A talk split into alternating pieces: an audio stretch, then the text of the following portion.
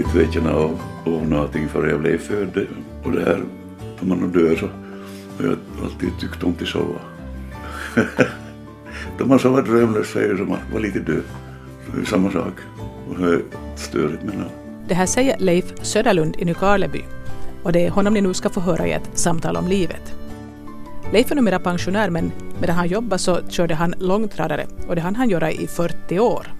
Man var ju äventyrslysten. Bara till fara vart som bara for man ju. Jag som har gjort programmet idag heter Ann-Sofie Sandström. Det händer ibland att någon bekant kommer fram till mig när jag sitter på något café eller på stadens enda pub och säger att Hör du, skulle du kunna laga ett program med den och den? Sådana gånger brukar jag be att få veta mer om den person man tipsar mig om. Och när det gällde Leif Söderlund så fick jag veta att han var långtradarchaufför och att han hade intressanta funderingar om bland annat religion och trosfrågor. Jag antecknade namn och kontaktuppgifter och min avsikt var att kolla upp ifall den här personen skulle vilja berätta om sig själv i radio. Men den här gången lyckades jag tappa bort lappen som jag hade skrivit på. Sånt händer. Flera år senare frågade en person som hade tipsat mig om Leif att vem var det riktigt vi pratade om den där gången? Den där personen som du sa att jag borde göra program med. Jag fick uppgifterna på nytt och kontaktade Leif via Facebook i slutet av förra året. Jag framförde mitt ärende och han var i princip med på noterna men ville fundera lite på saken. Och han föreslog att vi skulle ses på ett café och prata lite. När vi träffades så fick jag veta att Leif inte längre kör långtradare, att han har gått i pension. Jag fick också veta att han har varit gift ett par gånger men att han nu bor i ett långt samboförhållande. Och så fick jag också veta att det fanns några vuxna barn. Vi hann också prata om hans kringflackande liv, både i barndomen och senare i livet som chaufför. Och så visade han mig det som han själv kallar världens fulaste tatueringar. Vi kom till slut överens om att Leif skulle komma hem till mig lite senare i december. Och då skulle vi prata om hans liv och hur det kom sig att han blev den personen han är idag och hans funderingar kring livet och döden. Det är nog bara att komma in. Långt igår. Varifrån kommer du då? Man nog att det är skogsgatan. Jaha. Vad är svårt att hitta? Nej. Bra. Dricker du kaffe? Ja, nu skulle man inte. Fan, jag vart allt svettig på ryggen bara att gå. Den där pojken kom med bilen i morse, eller igår kväll. där. Och så var bakhjulet tom på. Ja, nu har ju liksom en och en halv, två kilometer kanske. Ja, det tror Mjölk? Ja. Så jag kommer att hämta. Tänkte du på henne? Jag tänkte på hur långt det Jag låter Leif dra andan en stund efter den ofrivilliga långpromenaden i det ruggiga vädret. Men så småningom ska jag försöka komma igång med den här inspelningen sådär på riktigt.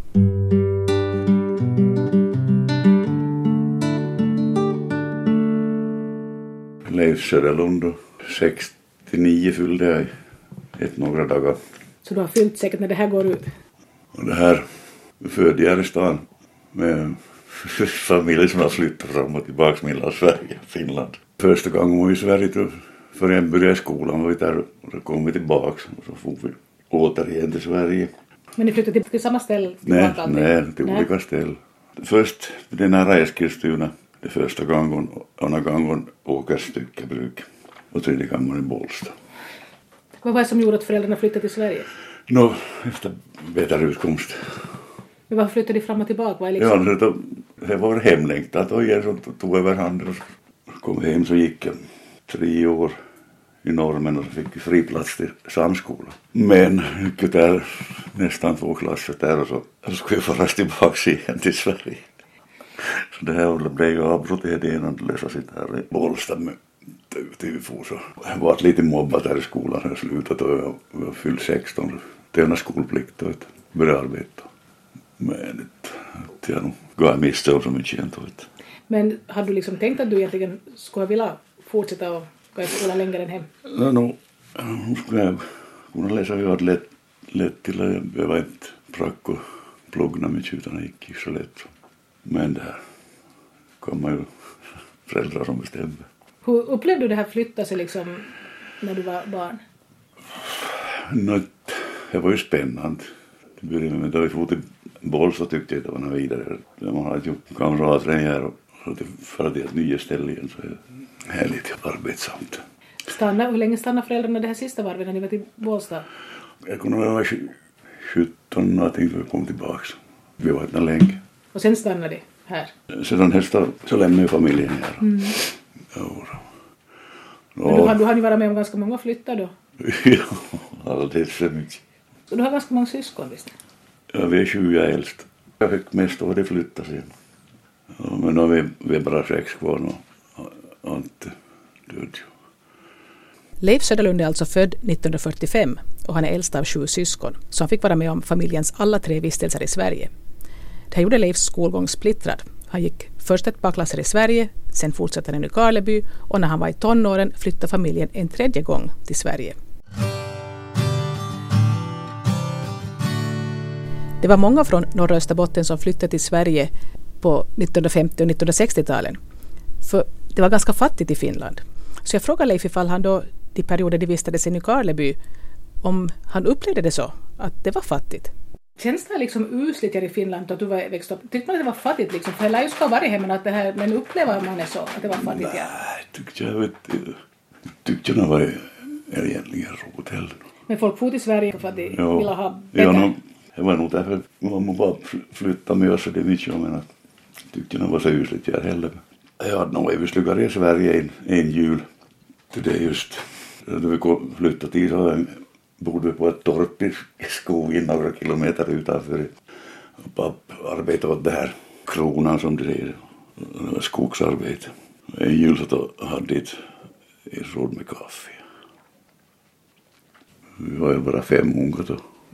I det skedet var Leif sju år gammal och borde ha börjat gå i skolan. Så länge vi bodde där på Högetorpet så man var ju, man var ju folksjuk vet du. Så man ju nog att föräldrarna Och syskon. så kom han till överläraren då. Underligt nog kom han tid till oss då och skulle råka med att jag skulle börja skolan. Men jag var så blyg så jag sprang till skogs och klättrade upp i en tall. Så du fick vänta till Ja, jag sa att men ja, men kanske det är bättre om han börjar nästa år istället. Ja, det var riktigt mysa. jag började först jag var åtta. Och hände inte.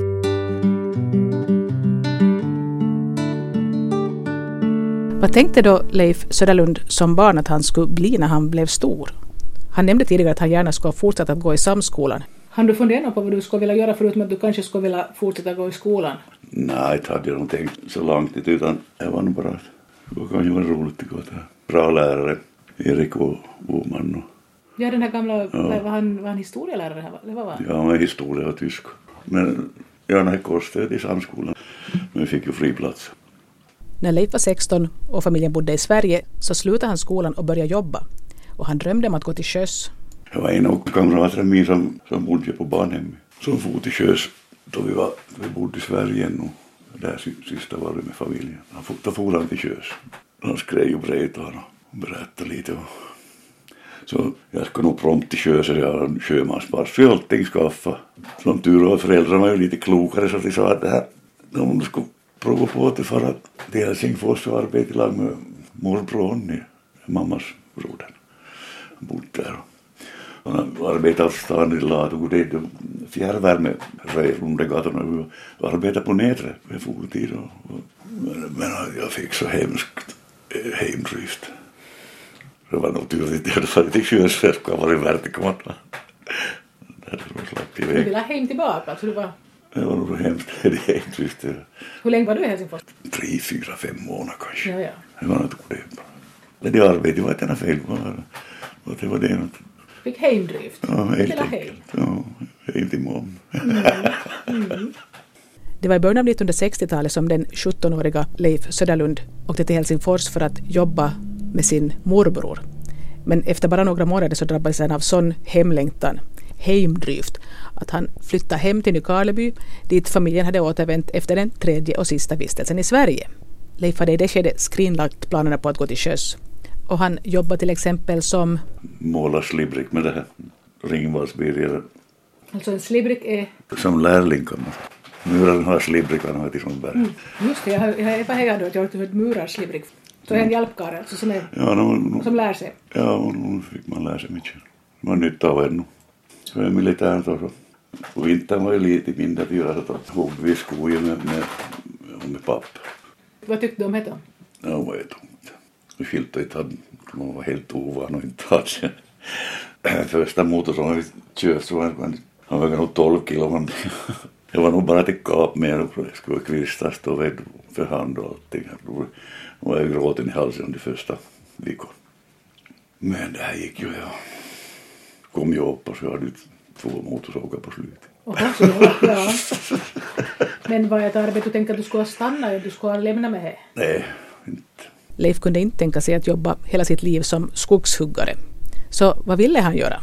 No, det här, vi hade ju det här Vilmans åkerier och jag var chaufförer samma ålder som jag som kört åt honom. Jag var nog så sjuk på det. Man måste man få köra. Jag tog, tog en det yrkeskörkortet som jag kallas. Är det samma som detta som lastbilskörkort? Ja, det, det var på det här ABC E-kort. Ja, just. Det kallades för yrkeskörkortet bara. Och som man kunde ta, att man hade tagit vanligt körkort först eller? Ja, när man måste vilja vara 21 måste man. Men jag hade tagit vanligt körkort året före så tog jag det med, med jämfört vad det kostade nog så jag hade, hade privat körkort det kostade 400 mark. Jag hade fyra mark i timmen till jag målade upp med Birger. Nu var det lite pengar då men inte jämfört med något. Och körkort ska man ju ha om man bodde i Nykabi, det var ju nog så kanske. Ja, det var ju klart. Utan körkort var man ju noll. Men vänta, du, hade börjat, du började köra alltså? Du började köra Ja, jag började köra till det var 21 och ett halvt, 22. Känns det som ett jobb som du tycker att yes, det här. Ja, nu jag skulle jag skulle ha kört fast gratis till början. Vad var det som, vad var det som tilltalade dig med att, att köra liksom? Ja, det var nog alldeles... Det var roligt att köra bil och lastbil. men Det var. Men det grejerna var det ganska men då tyckte man ju nog att det var bra. Men vart körde han då? Först till början med så körde mest mellan Helsingfors och, och Nykavi. Körde det här från Jaro till det betongnät vet du, som de armerar med. Till olika byggen till det runt Helsingfors. Till, det var ju en riktig byggboom. Så vet du. Och så slaktavfall tillbaks till, till Farnsrys. Det var ju Gunnar Willman som, som startade Farnsrys. Men så, han hade ju det köra från, malte från Lahtis till Tromsö. Och till norra Sverige och många längs kusten. Jag till vi körde sånt. Nu började jag med det då. Det var 68 tror jag det var första gången till Tromsö. Det var svårt med årtal men jag minns att jag kom tillbaks. Radio började höras. Jag tänkte så där ut. Hej, hur gjorde till den upp. Så hörde, kom jag på nyheterna att det var en, en stor brand i ett kvarter nära hamnen i, i Tromsö. Jag var det var. Så det är därför minns jag nog det var första gången. Men då du började köra till södra Finland och upp till Norge och allting, var du, var du singel eller hade du, hade du gift dig eller var Nej, du jag liksom... var, var gift på det första Ja, gången. du var här. Hur tidigt gifte du dig? Vad ska det vara? 21? Någonting. Det var tidigt. Men nu är man ganska barn att man är 21. Nå, Det gick nog för, allt för fort. Så fick, fick vi ju en pojke. Hur länge var ni gift då? Ja, det var bara ett par år. En år bara. Ja, det var inte... Vi var nog båda för hon, hon var bara 17. Fick man gifta sig ung? Ja, jag skulle ha målsmans medgivande eller för det. Men alltså, ju så till slut är det. Hon, hon som har uppfostrat pojken. Men han var bra. Har du någon kontakt med honom nu då? Ja, hon har kontakt men inte... Men du hade inte så mycket att göra med att var, du hade inte, du skötte inte den uppfostran liksom det här. det har man ju missat. Det är lite synd. Det är först den yngsta nu som jag har med Margita som, som jag har varit med hela tiden. Fast jag har kört men i alla fall nu har jag varit med. Men vad hände du skilde Flyttade du bort från stan eller bodde du kvar i Nykabi eller? Nej, det tog ju inte länge att gifta om mig igen. Snabba ryck? Det är nog nästan lite onödigt snabbt. Man skulle nog behöva vänta lite och skåda vad, vad man skulle göra innan. Men det gick bra ett tag. Så du var gift länge på Vango då?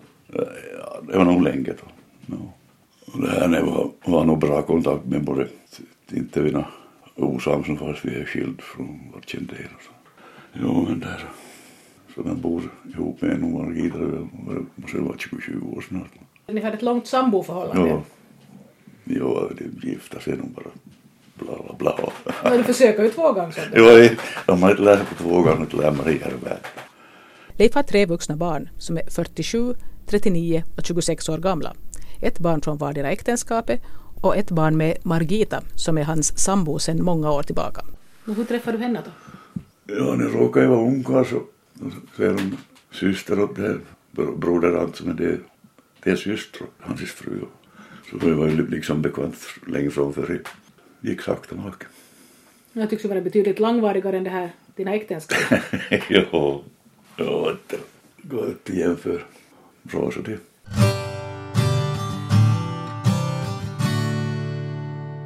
Men du flyttade aldrig som i vuxen ålder till Sverige själv? Jo. Du gjorde ja? Jag var rej för det hade slutat Vilman så, så flyttade vi med det första, första till Köping. Så vi arbetade där på Köpings mekaniska verkstad och så en dotterbolag till Volvo svarvar. Det var ett bra arbete men att det var just det att på söndagssätet men då var som att bilen kom redan från, från Stockholm på väg mot Oslo. Då var det semester och så får jag hem till Nykabi och så körde jag en resa åt Vilmanto igen och så for tillbaka och sa jag upp mig. Flyttade vi tillbaka till Nykabi. Det blev till slut bara en tio månaders vistelse i Köping i slutet av 60-talet när Leif var gift med sin första fru. För han hade då redan kört långtradare ett tag och han ville tillbaka till den livsstilen. Så det här liksom att köra var inte, drog nog mer än det var någon sorts frihet ännu på den tiden på landsvägar med det här köra sig. Vi hade ju ungefär skriva kort och vi körde bara, vi körde orkar och så, så körde vi igen. Men blir det inte liksom långtråkigt att sitta i en bil och köra köra köra? Och köra? Ja, man, man, man råkar i alla fall folk och det man känner och roligheter längs vägarna var det. Men det här, det här är friheten som var då, så kom vi ju alla tillbaks. Det med det här digiskrivare och allting så. Och det här hårda bestämmelser så inte skulle jag börja med om jag skulle få börja om nu till världen. Så hur många år körde du egentligen liksom sammanlagt? Ja, 40. 40? Ja. Alltså, vi har kört så jag bodde i Nykabi men den ena gången att jag slutade bestämma mig för att inte göra världen av mig så. Och det här var någon gång på 70-talet när Leif var gift med sin andra fru, Ritva. Så hon hade släkt det i Toijala och flyttade till Valkeakosk så jag kört ett år ungefär grävmaskiner. Men det var tråkigt arbete och så får jag söka arbete tillbaka till Nyholma sen en gång till. Slapp jag arbeta igen. Är du finsk helt så det är obehindrat? Ja, jag var tvungen till det. Det är bra att du kunde. Jo, men det är nog mycket folk här som inte kan. Mm. Min mormor var helt finsk hon och morfar men han, jag var nog bara ett par tre år då han död så jag minns ju inte han namn. Han var ju förstås fin. Men så då efter jag växte upp så en kusin som talade finsk. Därifrån och så, så lärde man prata ju finsk med mommo det som man lärde sig så småningom. Mm. Jag kommer ihåg ut och räkna. Men då måste du få göra hem. Jag fick börja räkna hej och hej jag gick, i samskolan. Alla räknade ju då.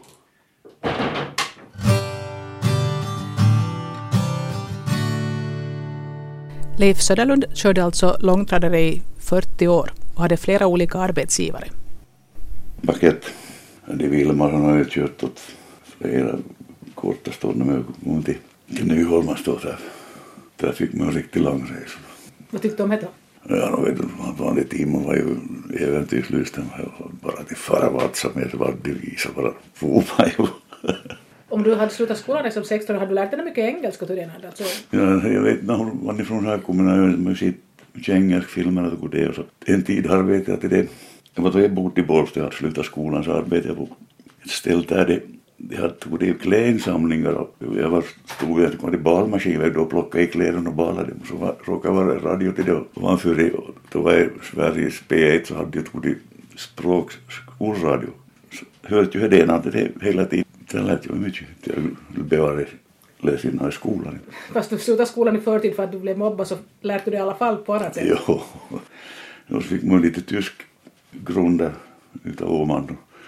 Det man hade mycket nytta av. Leif lärde sig alltså tyska under de år han gick i samskolan i Nykarleby. Och så var det ju faktiskt så att två av Leifs systrar gifte sig med tyska män. Vet du, var det en eller två systrar som gifte sig med tyskar? Två. Två? Ja, Lisa och, och så ja. Tina. Hon Men hon bor väl... I Sverige. Ja, så hon Ja, så hjälpte ju då Jag skadade där handen till det på Nyholmars tid då vi kört till Trondheim.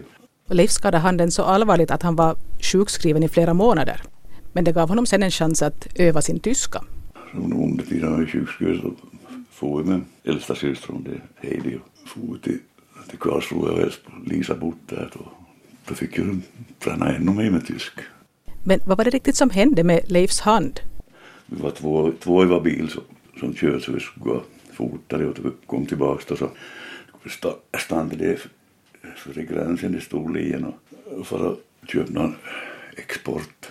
Och så det var som lite öppet på den parkeringen och snön och lite. Det skulle fara så att det började slita. Så jag fick fara ut och slänga under en kätting och så höll jag på att potta på och då skulle han dit och så drog han runt så följde en rem med. Aj, aj, jag kan ha tänkt mig. Och så, så det här, det kändes, kändes något först men då började jag dra av mig den där handskan och så det började kännas då, det var nog hemskt.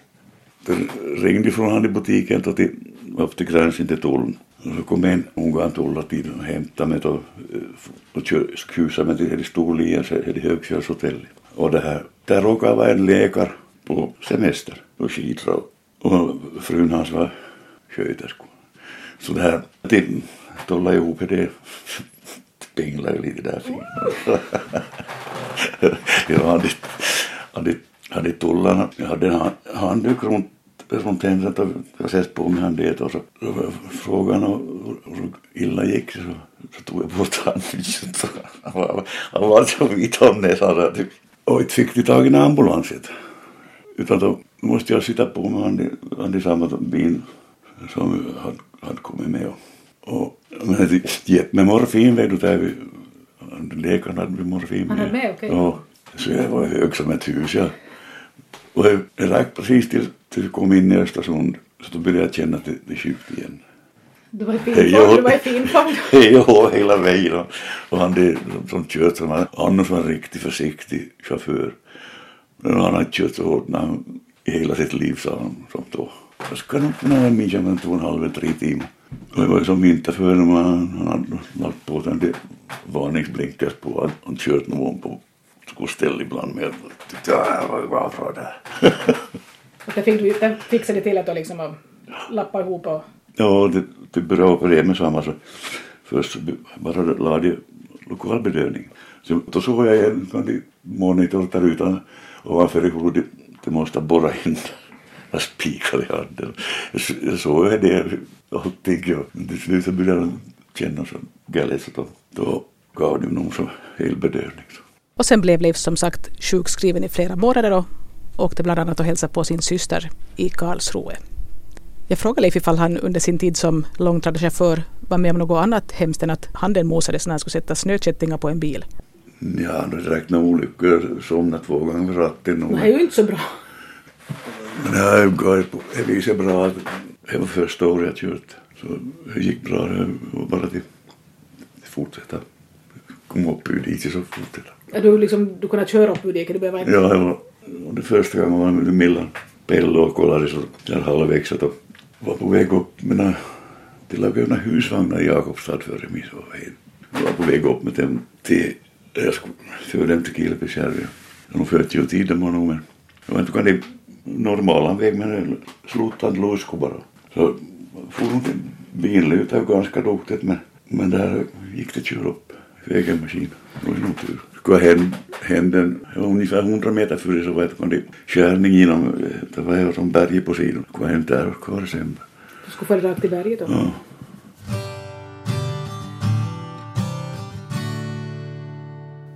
Hur var det då med de här tatueringarna som Leif skämtsamt kallar världens fulaste tatueringar och som han skaffade sig i en holländsk hamnstad någon gång i mitten av 1970-talet?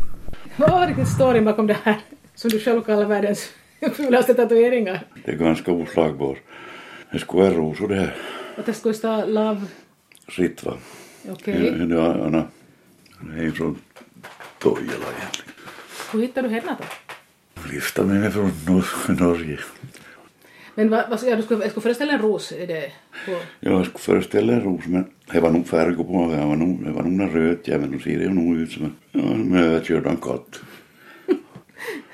Och det här Boldigel, ja, nu riktigt. Jag undrar vad det här ska jag föreställa Måsa det här eller moln.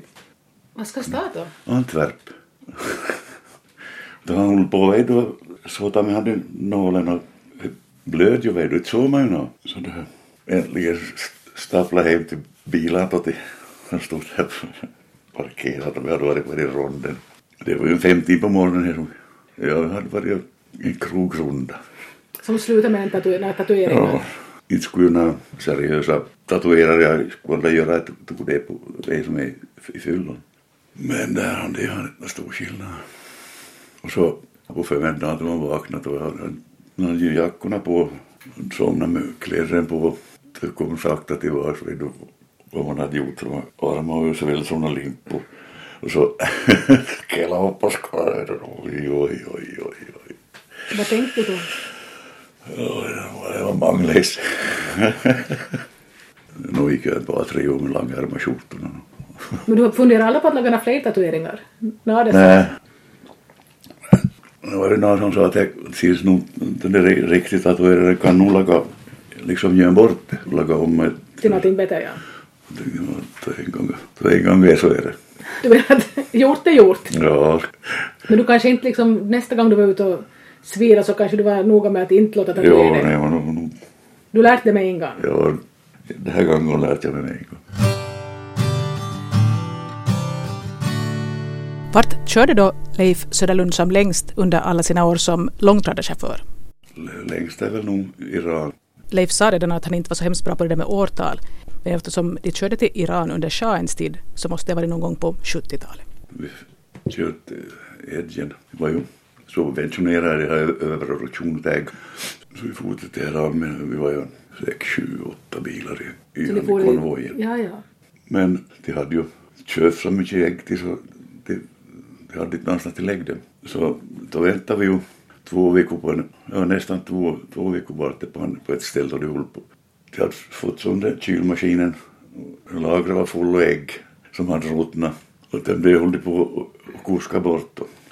Det var nog synd om det folk som arbetat där. Och hejt. Det var ju 30-35 grader på dagarna. Men i många körotid. Bara ett varv jag till Teheran och fick nog nog gå. Men hur länge kunde Leif vara borta hemifrån när han körde långtradare? Ja, rest som tog lite över en månad. Men jag var det här kött som senare då, till det på kontinenten på Tyskland och det så var man ju oftast bara till Helsingfors och vänd och ta nio laster och det. Så då kunde man ju nog vara kanske ett par månader. Mitt var så riktigt länge.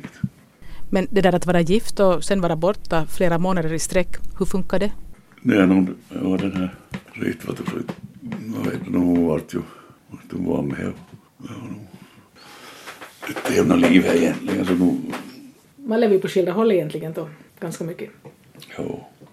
Men då trivs du med det här att fara omkring? Du var inte riktigt så du ville stanna på ett ställe? Nej, man hade varit hem på semestern och ledigt då får man nog. Sen drog du landsvägen, Ja. känns det liksom... Första säg 10, 12, 15 åren så sa sen efter det så blev jag nog med som bara borstas. Då kom hon att slut med mig. Det som med röka sig. Jag måste försöka slut med en på gång om inte bort. Men då du faktiskt slutade då definitivt köra då du var pensionerad? Ja, Hur känns det då? Hade du det abstinens att du skulle vilja få ut på vägar igen eller? nej. Du hade Jag inte... hade du- lite ovänner. Men jag vet inte. Sen kanske kände att jag miste sin identitet på något vis. Att Förr var man chaufför och nu var- är man nog en pensionär. Men du hade inte problem med det? Nej, nej, det var inte.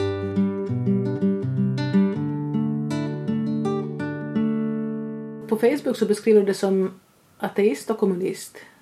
Ja, han hade att, nå ateist utan vidare men de kommunister och inte, det var det som, nej bara, de själva idén att jämställd. Och det, det var, det, var, väl- det var lite så att kommunismen funkar liksom sämre i praktiken än Det teorin. funkar inte alls i praktik.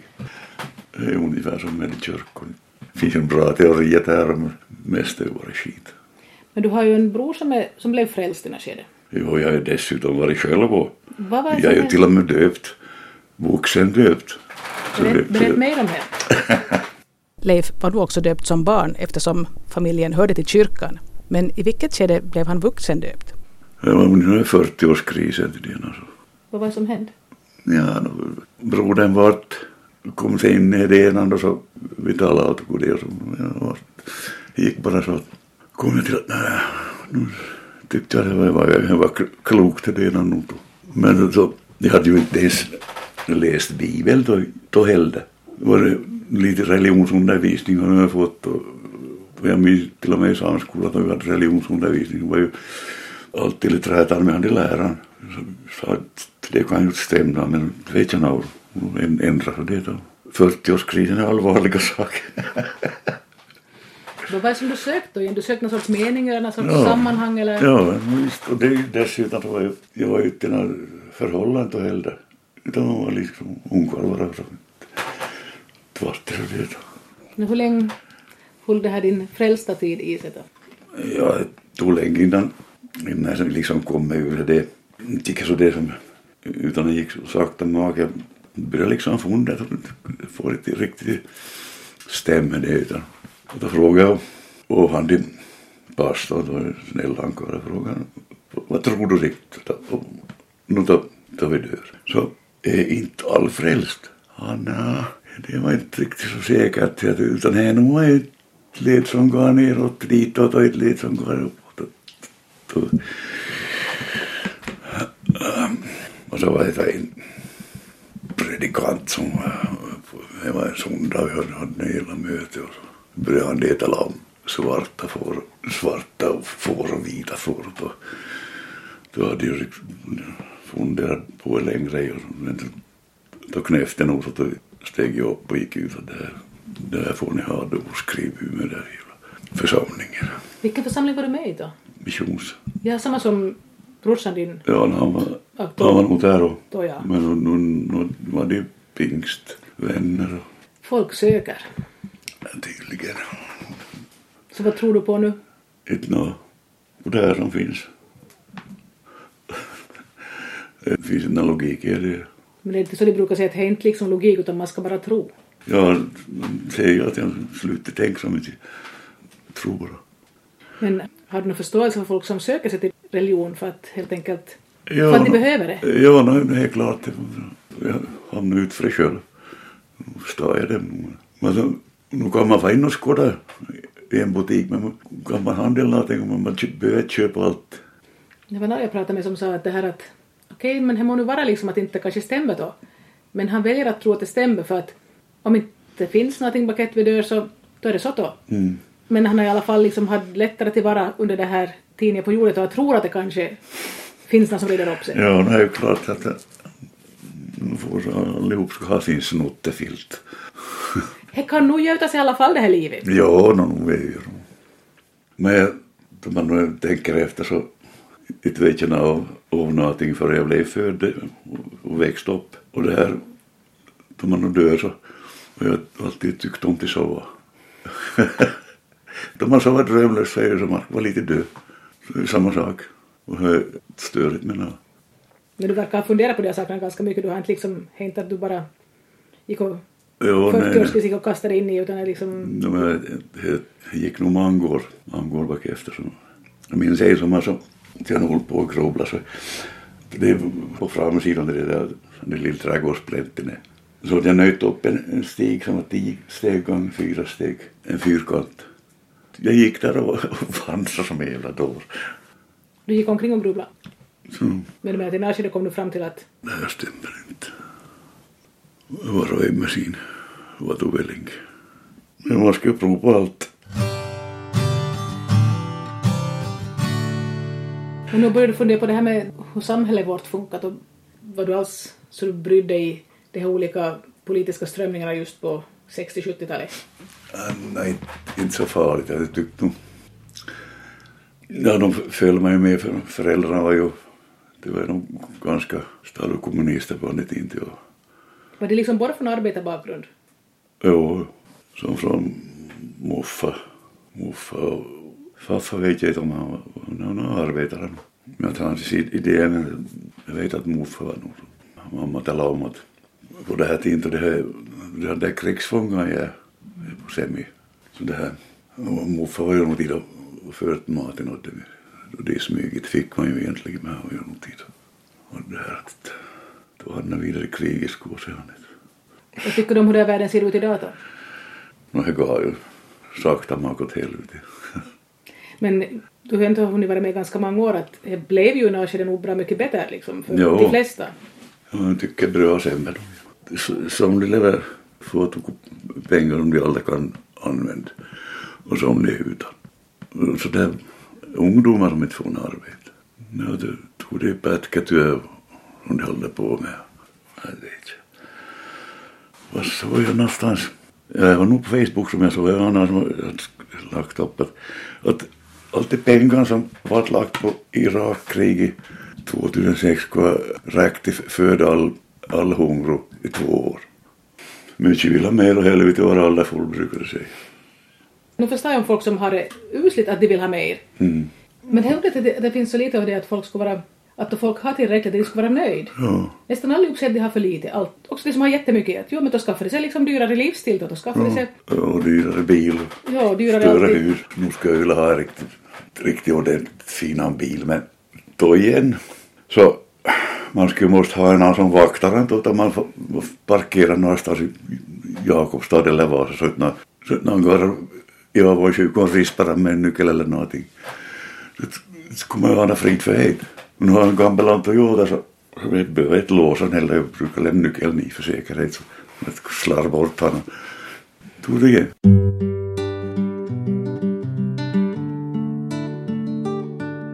Vi ska så småningom börja avsluta det här samtalet.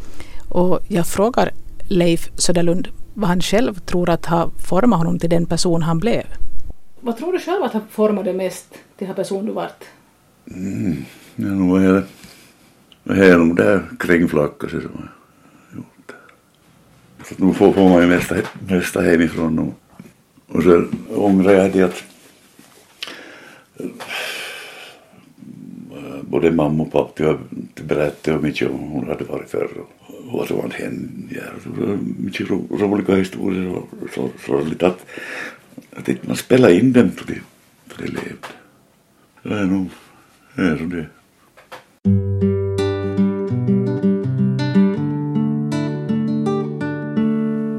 Jag frågar till slut Leif Söderlund ifall han är nöjd med det liv han har idag. Ja, inte kan jag ju klaga på någonting. Nu det här Margita 87 hon fick ju stroke det är inte, man kan ju vara riktigt 100% nöjd heller med att hon talar sig kommer tillbaks sakta makigt inte ännu. Svårt ännu men att det har varit bättre. Det var ju riktigt, riktigt omöjligt först. Men det värsta är att det här jämnårig började dö bort. Det var en som gick i pension var i fjol. Han är lite yngre till och med i år. Så var bara mitt allt, nu är han bort. Det känns lite orättvist nu. Men, har du något i planen, någonting som du skulle vilja ännu ha gjort i livet som du tycker att det skulle jag ännu vilja göra eller skåda eller tro på? ja, jag vet. Jag, jag tycker jag är ganska nöjd med som jag är. Jag får nog se vad som kommer. Till sommaren så ska jag laga om lite till det på trädgårdsplätten. Och ska ett bäst inte planera som lite Nej, man vet ju aldrig. Jag har hade några stora planer för vad jag skulle göra till jag var pensionär heller. Sova, sova mycket. Och efter 40 år som långtradarchaufför så hade han åtminstone inte någon större reslust. Folk är intresserade av att fara ut och resa redan på semestern. Så det har några sorters lustig res någonstans. Jag har fått det bort. Du har hört ett samtal om livet med Leif Söderlund i Nykarleby. Och jag som gjorde programmet heter Ann-Sofie Sandström.